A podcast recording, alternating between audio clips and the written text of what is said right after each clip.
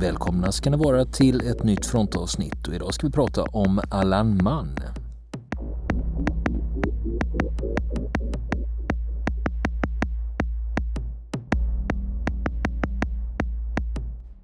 Ja, Thomas Tynander. Nu sitter vi här och ska prata Allan Mann. Ja, lite spännande. Mm. När hörde du talas om Allan Mann första gången? Eh, det var när jag själv gjorde lumpen, värnplikten, på I2 i Karlstad, på regementet där. Så eh, dök det upp en liten eh, gråhårig man, han var inte mer än 70.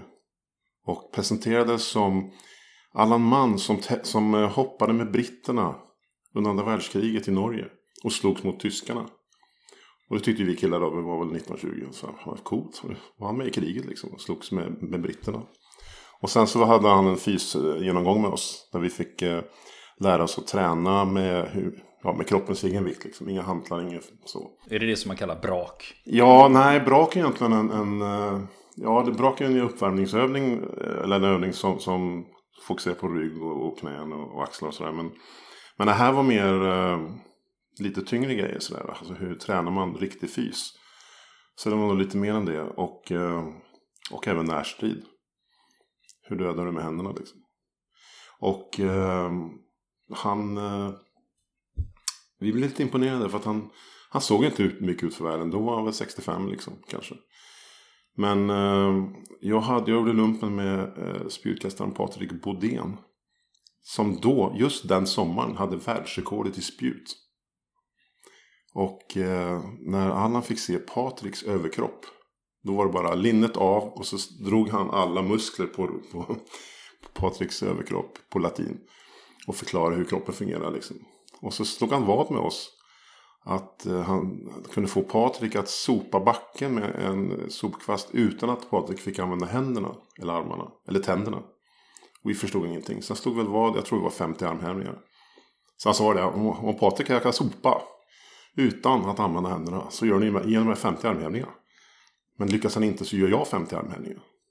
Och sen fick han då, gick vi med på. Och sen så fick han Patrik att slå ihop skulderbladen så att han kunde greppa kvasten och sopa det. Så det var ju bara för oss att lägga oss och göra 50 armhävningar. Jag märkte att du körde lite skaraborgsdialekt. Ja, han pratade ju så. Han var en rejäl karl och han var en ganska enkel man. Men han var, han var redig. Pratade så. Från Töreboda, Skaraborg. Mm. Så var han. Ja, men det var ditt första möte. Det var första mötet och om jag bara då hade vetat det jag vet idag. hade det varit fantastiskt att sitta ner och prata med honom. Men eh, han imponerade på oss. Men sen slog vi det ur världen liksom. Eh, sen sprang jag på honom många år senare. Eh, för fyra, fem år sedan. Sprang jag på hans dotter. Av en ren slump på en lunch. Och när jag förstod vem hon var. Så eh, ja, blev jag nyfiken och började ställa lite frågor. Och hon började berätta om honom. Och, eh, då blev jag, det var på en lunch tillsammans med militärhistorikern Lars Gyllenhaal. Eh, och då sa jag till Lars, fan ni måste skriva boken. Det här är ju otroligt spännande. Varför är inte den här boken skriven? Hade han varit norrman hade det funnits både tv-serie och film och staty. Men Lars just då kunde inte och sa skriv den nu. Så då pratade jag med Ditt om det och så, så började vi träffas och hon började berätta. Och sen växte det. Mm. För det, vi ska ju nämna det också att det är ju inte första gången du ger dig på ett bokprojekt. Nej, det här är väl fjärde boken. Eh, och den senaste före det här handlar om en svensk-amerikan som vi kallar för Swede. Många kallar det för det. Eh, som slogs i Stilla havet. Och som jag träffade. Han levde ju då. Så jag fick träffa honom och läsa hans hemliga dagbok som han förde under kriget. Så det blev stommen till den boken för tio år sedan. Så därför var det, det var därför Lars sa, du får skriva om Allan, du har gjort det här förut, kör. Eh, jag stöttar, och det har han gjort. Så att Lars eh, och Anders Johansson och Lennart Westberg och många andra som har skrivit lite grann om Allan. För han har ju förekommit förut i enskilda kapitel i böcker. Men inte i, som egen bok. Eller egen bärande historia. Så att eh, de här killarna som är militärhistoriker var med ombord från början och har hjälpt mig med all research. Och tillsammans med dem och, och Ditte och Allans personliga papper och intervjuer med hans vänner som fortfarande finns i livet. Så har historien växt fram. Mm. För du, du, nämnde det också att det har gjorts försök tidigare. Ja, alltså jag, jag fick det intrycket när jag, när jag började intervjua folk att det, det funnits säkert ett par, tre, fyra pro, projekt eller försök till att skriva boken. Men det har varit av militärhistoriker. Eh, som, som är med all rätt ganska låsta vid att det ska finnas totalt faktaunderlag. Och han var ju så hemlig och eh, det finns brister i, i arkivmaterialet. Eh, som, och det har gjort att de här försöken har misslyckats. För det ska bli en väldigt tunn bok, det blir ju ett häfte liksom. Medan vi valde då, jag och mina vänner historikerna tillsammans med Allans familj valde att attackera det här på ett annat sätt. Att sikta in oss mer på Allans egen berättelse och alla från hans egen, liksom hans egna papper, föreläsningar, brev och vykort. Och intervjuer med vänner om vad han har sagt genom åren. Och göra det här till hans egen historia istället för den officiella historien. För den, den kan, kan det finnas brister i. Men om vi berättar ur hans synpunkt, hans, hans synvinkel. Då kan man berätta den här. Och sen valde vi att, valde jag tillsammans med bokförlaget att skriva den i romanform. För då kan man ta ut, då kan man ta ut svängarna lite med någon slags konstnärlig frihet. Och den är ju farlig för mig som journalist. Jag är ju journalist och inte van att göra det. Men om man lär sig hur Allan förde sig, hur han talade och, och man pratar med hans vänner och hans familj om hur han uppträdde i olika situationer så kan man lista ut hur det kan ha varit. Hur mådde han på det där tåget på väg upp till Haparanda när han ska in i Finland första gången? Han är 18 år, han har inte gjort lumpen och han är frivillig i ett krig. Hur tänker han? Hur resonerar han? Vilka kan han ha pratat med? Hur var det i den där tågvagnen? Så att man får liksom sätta sig in i olika situationer och lista ut hur det kan ha varit med hjälp av hans familj och vänner.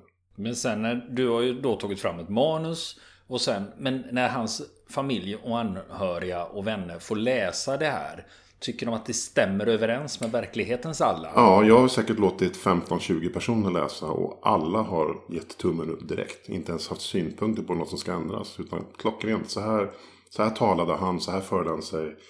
Han, eh, när han träffade en god vän så skakade han hand. Han kramades inte, för det gjorde man inte på den tiden. Eh, så, så de, de som kände honom har godkänt och, och, och till och med uppmuntrat bilden jag har fått fram liksom av honom, hur han var som person. Och hur han kan ha uppträtt i olika situationer under kriget. För hur länge har du hållit på med det här projektet? Ja, alltså den här jäkla pandemin kom ju emellan så att eh, det är nog fyra år. Kanske närmare fem. Sen jag träffade henne på den där lunchen. Ditte. Så att det är lång tid. Och det har varit uppehåll. Jag, det fanns ju perioder på flera månader. Vid ett par tillfällen där jag inte skrev eller kunde jobba med researchen för att jag själv blev sjuk under pandemin. Så att eh, det här skulle vara klart. Min tanke från början, eh, jag kanske träffade henne 2018. Eller, ja. Och min tanke var att den här boken skulle vara klar till 2021 när han skulle ha fyllt 100 år. Men det blev det ju inte. Tyvärr. Mm. Men under de här åren när man håller på med den här typen av researcharbete. Ibland kan man ju hamna i det där att man verkligen upplever att här har jag stött på guldorden. Här är liksom mm. det bästa fyndet. Där man får den här Indiana Jones-känslan att jävlar, där satt den. När var det du upplevde det? Ja, alltså jag fick ju tidigt läsa brev som han skrev hem från, från vinterkriget. Eh, han skrev ju brev till sin mamma och sin farmor och sina brottarkompisar. Eh, och läsa de här originalen. Ehm, det var ju fantastiskt. när han berättar om saker som har hänt under kriget och skador han har fått själv. Ehm, jag minns första gången jag satt på Riksarkivet. Jag har ju suttit väldigt många gånger. Och timmar och dagar nästan. På både Riksarkivet och Krigsarkivet. Och första gången jag hittar honom i arkivet i en låda. Med sjukjournaler från fältsjukhuset i Kemi. Finland. Och det här är två veckor efter freden. Så att i slutet på mars. 20 mars va. Så skrevs han in på fältsjukhuset i Kemi. Svenska fältsjukhuset i Kemi. Med svenska soldater. Och då finns det en sjukjournal från, från eh, när han träffar läkare. Och därför ligger hans feberkurvor och alla, du vet, läkarens diagnos och läkarens utlåtande när han skrivs ut. Och den här kartongen med journaler hade nog inte varit öppnad på många år. Kanske sedan 1940. Och jag kommer ihåg när jag satt där med de här papperna, med de här vita handskarna på arkivet och hittade honom i, en, i ett original, i en originalhandling som handlade om honom. Då blev Dittes historier och det jag hade fått lära mig så långt väldigt närvarande liksom. Och sen har det varit flera sådana moment. Jag menar, den dagen jag var på Karlberg där han arbetade så många år efter kriget. När jag var på Karlberg för två år sedan. Och eh, de hade hjälpt mig att hitta fem flyttlådor med hans personliga papper. Så när han gick i pension 1985 så packade man ner allting i fem flyttlådor. Och de trodde vi var kasserade. Inte ens Ditte, dottern, visste att de fanns. Så när de hittades i ett förråd i gymnastiksalen och de ringer mig och säger du vi har hittat fem lådor med papper här från Allan. Då var det också halleluja. We've struck gold. Ja men där fanns det ju jättemycket. Alltså där fanns det ju så mycket. Det fanns ju brevväxling med Knut Haukelid och, och eh, hälsningar från Max Manus och artiklar från 50-60-talet i, i norska tidningar där han uttalade sig och berättade om detaljer som han inte pratade om senare under året när han var äldre. Så att, ja men absolut. Jag hittade ju väldigt mycket bra från hans version då. I de här flyttlådorna som jag hade i min lägenhet ett helt år. Det var jättespännande. Att öppna dem. Mm. För det finns, eh, de flesta som lyssnar på det här, de har ju hört talas om Allan Mann och kan liksom storyn i stora drag. Va? Det här är ju första gången man får det presenterat mer i detalj. Ja, ja, målet har ju varit att försöka göra det levande. Att, att man ska nästan sitta på hans axel. Va? Du är med i det här tåget på väg upp till Finland. Du är med när han lastar välling på, i depåkompaniet. Liksom i, i Kemiro och sen uppe vid fronten utanför Märkejärvi. Och sen hur han blir förflyttad till eh, kårstaben och blir ordonnans. Och hur det var. För det där vet vi ju liksom från hans egna papper att han har gjort och hur det var. Eh, så att, att måla upp den bilden av hur det var och baka in alla de här kända miljöerna som vi har från andra källor. Så blir det, kan jag placera honom i den här miljön. Och då blir det rätt intressant och spännande att vara med honom. Man sitter ju på hans axel liksom hela, hela vägen. Och det är en galen resa. Mm. Helt sanslöst. För jag tänkte vi skulle dra den. Eh, inte hela boken, det var 480 sidor sa du va? Ja, det blev det. Eh, och den, när är det den kommer ut? Boken släpps den 27 april. Så den, eh, den är väl tryckt nu tror jag. Och eh, är på gång. Ja. Jättespännande. Nej men historien om Allan, om vi ska försöka, den korta versionen är ju att han eh, är på en, han är 18 år i Töreboda 1939. Han jobbar som dörrvakt på Folkets hus. Han är brottare, Skaraborgsmästare.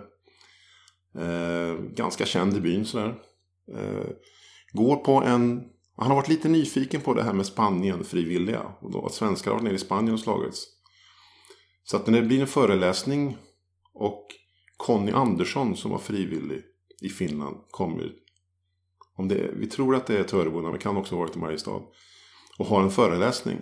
Så går alla dit och lyssnar. Och blir helt tagen av den här historien om hur Conny Andersson åker ner till Spanien som frivillig. Och när, efter den här föreläsningen så pratar han med Conny. Stanna kvar, prata med Conny och Conny berättar att han ska till Finland. Nu åker vi igen. Nu är det Finland som gäller. Då hänger ju Allan på.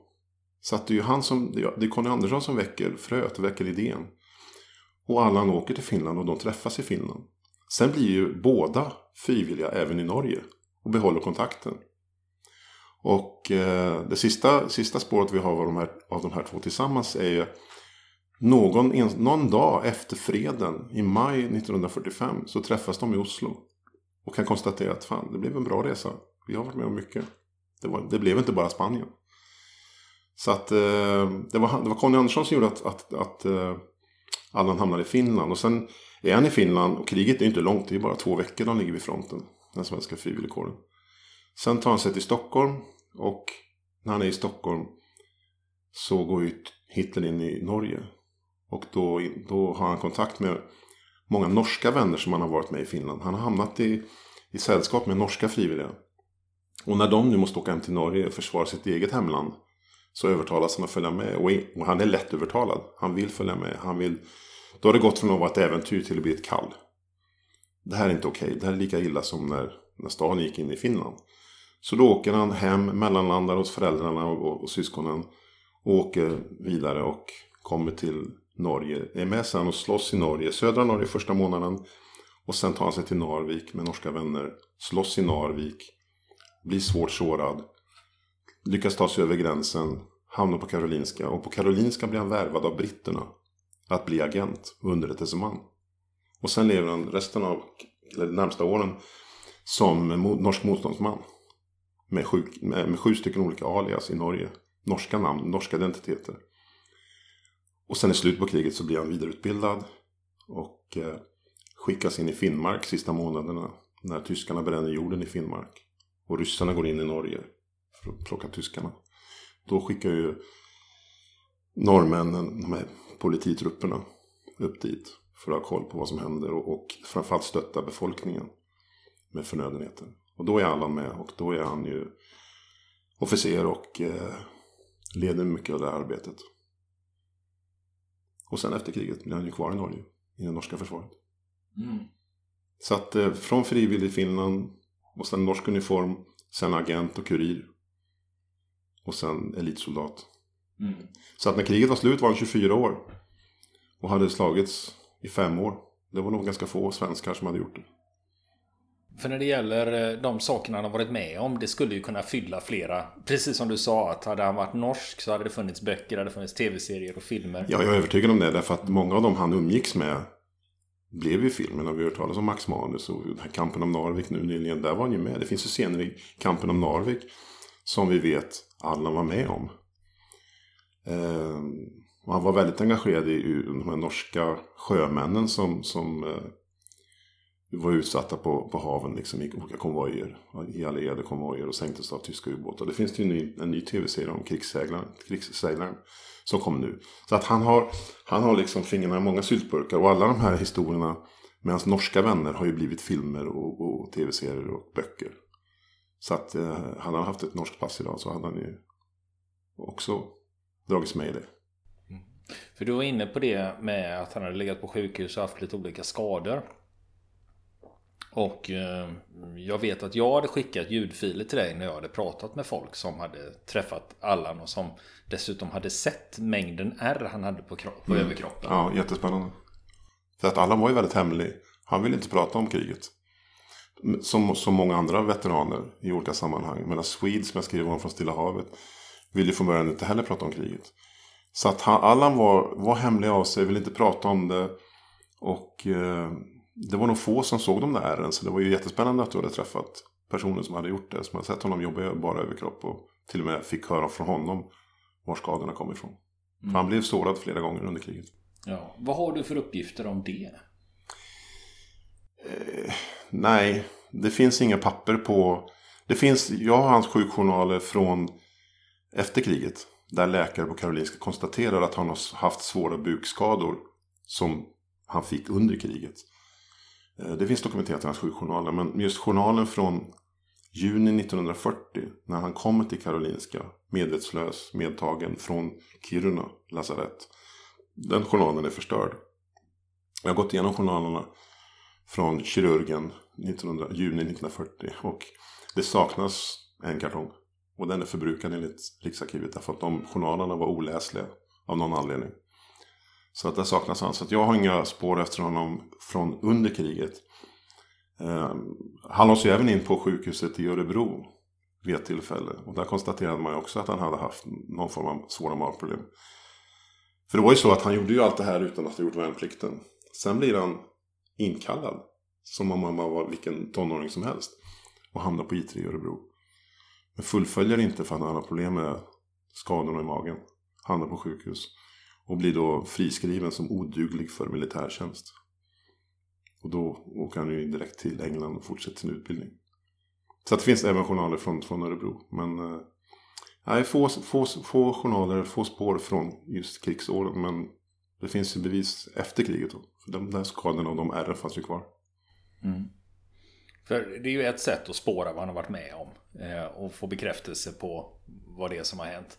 Men sen har vi det här med medaljerna också. För det finns ju en uppsjö medaljer. Han fick väl 12 utmärkelser och varav 8 var för strid eller fronttjänst. Och han bar bada, bara dem. Det var bara de som, hade, som han hade fått för fronttjänst och strid som han bar vid offentliga sammanhang. Eh, ja, det finns ju papper på några av dem. Men den finaste hederslegionen Eh, den är svår att spåra mer än att vi vet att han var aktiv medlem i många, många år i den svenska föreningen för hederslegionen. Och de tar ju bara in medlemmar som har fått utmärkelsen. Och Allan bar den här utmärkelsen bland annat i Frankrike. Många gånger i samband med Normandie och jubileerna när han var där nere på årsdagen. Men även på Korsika när han träffade vänner från Främlingslegionen så hade han på sig den här. Och Ditte, hans dotter, har ju historier om hur hon hur de är på semester i Frankrike. Och Allan har, eh, det, det, syns på Allans kavajslag att han har fått hederslegionen. Och hur de kommer in i restaurangen och folk ställer sig upp och börjar sjunga Marseljäsen. Och hur de äter gratis och Allan får champagne. Så att eh, det finns inget, vi hittar inte det officiella pappret från fransmännen på att, han, på att han fick det. Men jag har historier om som bekräftar att han har fått den ändå på annat håll. Bland annat finns det en historia från en god vän, en överstelöjtnant som jobbade med honom på Karlberg som minns den här resan. Hur Allan begär ledigt för att åka till Frankrike några dagar. Och kommer hem med, med medaljen. Och medaljen finns ju idag hos Ditte, hans dotter. Och hur eh, Allan berättar ja, hur han har fått åka limousin och blivit hämtad av försvarsministern. Och hur det var uppställning. Och, och hur han får träffa den här fransmannen som han lär ha räddat livet på. Så att det finns så mycket runt omkring som ändå bekräftar att han har fått utmärkelsen. Just den. Och den, det finns ju en särskild händelse som föranleder den här medaljen. Precis, vi har ju nämnt den här fransmannen. Uppe i Narvik när, när de allierade faktiskt tagit tillbaka stan, det är Hitlers första nederlag. Så, så är inte Allan, det är kompani, han tillhörde sjunde kompaniet. Eh, så är inte han med och befriar stan för då vill man att det är norrmän som går in. Utan han får uppdraget att tillsammans med franska legionärer och polska styrkor rensa fjället från tyskar som flyr. Och det gör de ganska framgångsrikt. Och där, där blir det ju en del incidenter och, strid. Och vid, vid ett tillfälle då i kriget, eller det slagets sista dagar, så blir han svårt sårad. Och en fransman i samma explosion blir av med halva foten. Och de hamnar på, på någon slags tillfällig vårdcentral på sjukhuset, eller på fjället där, en, en vårdstation. Eh, som tyskarna sen försöker ta. Och då flyr de. Allan tar med sig den här fransmannen, som är hans befäl. Och de flyr i 19 timmar över fjället mot den svenska gränsen. Och lyckas nätt och jämnt, i hårt väder, med mycket morfin i kropparna, ta sig över till Sverige och hittas översnöade av en ren slump.